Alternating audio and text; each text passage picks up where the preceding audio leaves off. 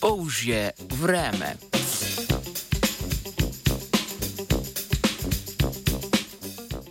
Kitajska raziskovalna skupina je v nedavnem članku revije Geochimica et Cosmochimica Acta ugotovila, da se lahko s pomočjo hišic kopenskih polžev do dneva natančno določi obdobje obilnega deževja, ki so se zgodila v preteklosti.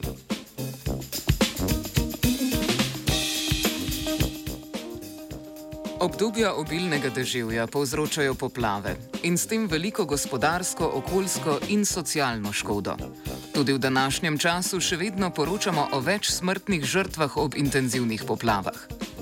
Nadzorovanje obilnih padavin je težko zaradi kratkih in raztresenih zapisov na merilnih instrumentih, pa tudi zaradi pomankljivosti v simulacijah numeričnih modelov.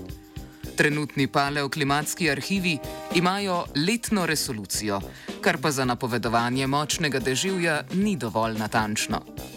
Oblikovanje do dneva točnega paleoklimatskega arhiva je zato pomembno, saj bi se z natančnejšimi napovedmi lažje spopadali s to vremensko nadlogo.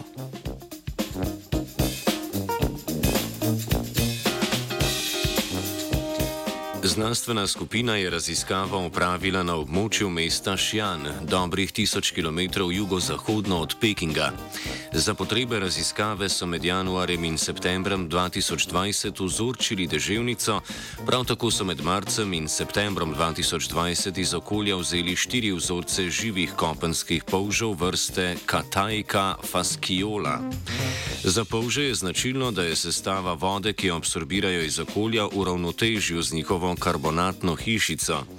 Ta lahko raste s hitrostjo do 56 mikrometrov na dan. Nekateri vzorčeni polži so tako v obdobju šestih mesecev vzdolž smeri rasti nakopičili tudi do 185 podatkovnih točk. To pomeni, da je raziskovalna skupina lahko z masnim spektrometrom izmerila 185 meritev stabilnega kisikovega izotopa O18 na delu polže hišice, ki je zrasel v šest mesecih. V pol leta tako število meritev pomeni 1,3 podatkovne točke v količini stabilnega izotopa na dan, izmerjene količine pa so dobro sovpadale z meritvami o 18 vzorčenih padavin v enakem obdobju in to na dnevni ravni.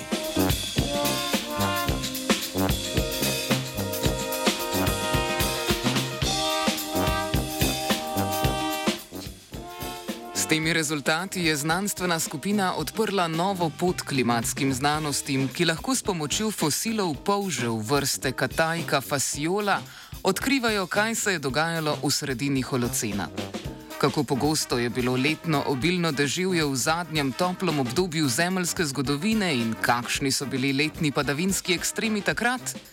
Ko bomo našli odgovore na ta vprašanja, bodo naše napovedi o obilnosti padavin za prihajajoče scenarije klimatskih sprememb veliko bolj zanesljive.